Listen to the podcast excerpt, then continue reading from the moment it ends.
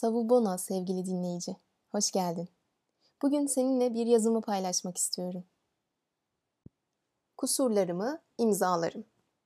Günümüz dünyasında hepimiz kusurlarımızı leke gibi gizliyoruz. Gözükmesin diye türlü türlü uğraşlar veriyoruz. Ah şu sosyal medyalar. En çok onlar kirletmiyor mu ortalığı? Sözde iyilik ve güzellik yanılsamalarıyla.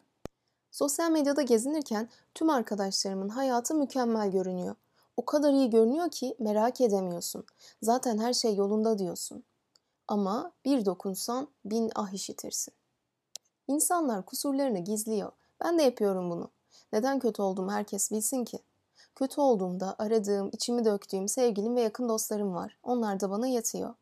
Yakın dostlarımız söz konusu olunca harika görünse de hayatları dışarıdan biz aramayı ihmal etmiyoruz. Kusurlarınızı herkes bilsin demiyorum ama onları en azından güvendiğimiz insanlarla paylaşmamız gerek. Bu konuyu her düşündüğümde aklıma lise geliyor. Lisedeyken öğretmenimiz bize Orhan Pamuk'un Kırmızı Oda adlı kitabını okutmuştu. Hayatımda okuduğum ilk ve son e-kitap oldu. Kitaba dokunmak gerekiyor arkadaşlar, onu bir hatırlayalım. Her neyse benim için o uzun romandan geriye kalan en önemli öğrenim kusurların imza olması oldu. Ünlü ressamlar mükemmel resimlerinin küçük bir noktasında bilerek hata yaparlarmış. Kendi imzaları olsun diye. Şimdi dönüp kendimize baktığımızda yaptığımız işin o kadar harika ve mükemmel olmasını istiyoruz ki verilen tüm görev listesine harfi harfine uyuyoruz. Ama dönüp baktığımızda aslında orada bizden bir şey yok. Her bir görevi olması gerektiği şekilde yapmaya çalışmak sizi robotize etmiyor mu? Yaptığım her şeyde küçük bir imzam olsun isterim. Yıllar sonra önüme çıktığında bu iş bana ait diyebilmeliyim. Belki kullandığım bir kelime, belki bir resim, hatta bir hata. Bizler insanız ve hata yapma hakkına doğal olarak sahibiz ve kusurlarımız bizi biz yapıyor. Her birimiz mükemmel insanlar olsak eminim hayat çok sıkıcı olurdu. Bu tıpkı var olan kötülüklerin iyilikleri anlamlı kılması gibi. Kusurların senin iyi yaptıklarını daha iyi gösteriyor. Kendimde kusur olarak gördüğüm şeylerden bahsetmem gerekirse. İlk numarada kesinlikle duygusallık gelir. Ben fazla hassas bir ruha sahibim. Artık bunu kabul ediyorum. Bu nedenle insanlar hep çok neşeli davranıyorum. Bilmezler ki dokunsalar hemen ağlamaya hazırım. Sürekli baskıladığım yoğun duygularım kendimle baş başa kaldığımda dışarı hücum ediyor. Bunu şikayet etmek için değil, durum analizi yapabilmeniz için söylüyorum. Bu normal. İnsanlar normalleştirme yetisi kazanınca rahatlarlar. Ben böyle biriyim. Saramago'nun çok sevdiğim bir sözü var. Belki insanlar sadece sözlerden yorulmuştur. Bunu düşününce aklıma benim yazdıklarım geliyor. Duygusal olmak benim bir imzam. Yazılarımı okuyan insanların bana yazdıkları e-mailler bana bunu ispatlıyor.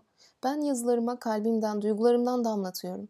Sıradan bir konudan bahsederken bile içine farkında olmadan iliştirdiğim bir cümle bir okuyucunun kalbine değebiliyor. Bu sihir gibi bir şey bence. Klavyeden bunu başarabilmek.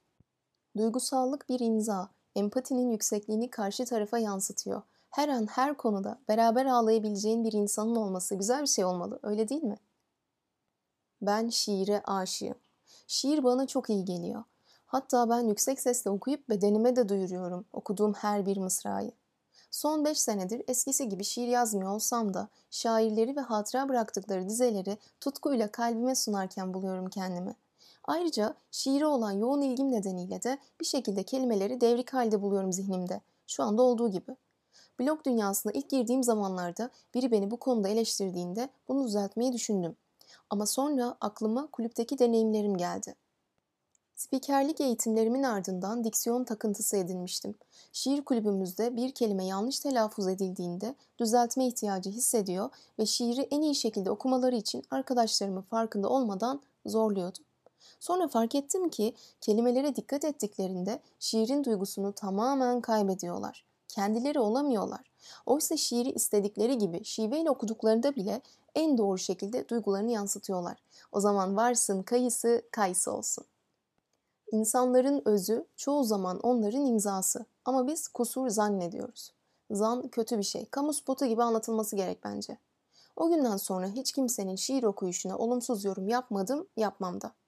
Girişimcilik alanında mentorluk verirken de bunu yapıyorum. Ekibin motivasyonunu kırarak gerçekçi olmaktansa gerçekten neyi iyi yapabilirler diye keşfetmeye yönlendiriyorum onları. Bence hayat kalp kırmak için fazla kısa.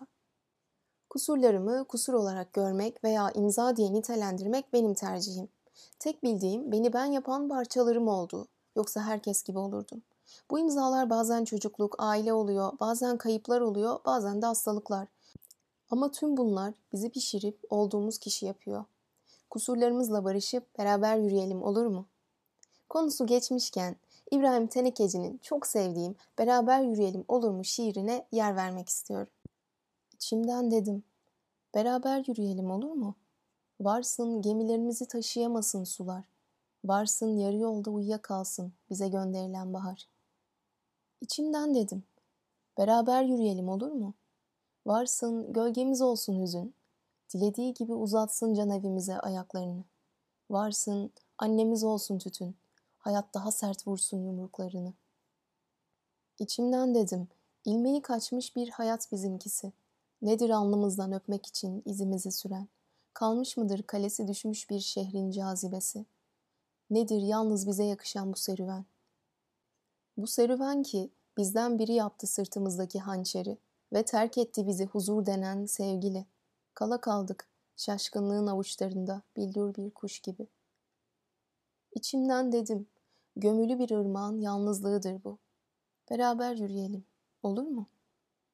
İbrahim Tenekeci Teşekkürlerimi iletiyor ve güzelliklerle uğurluyorum sizleri.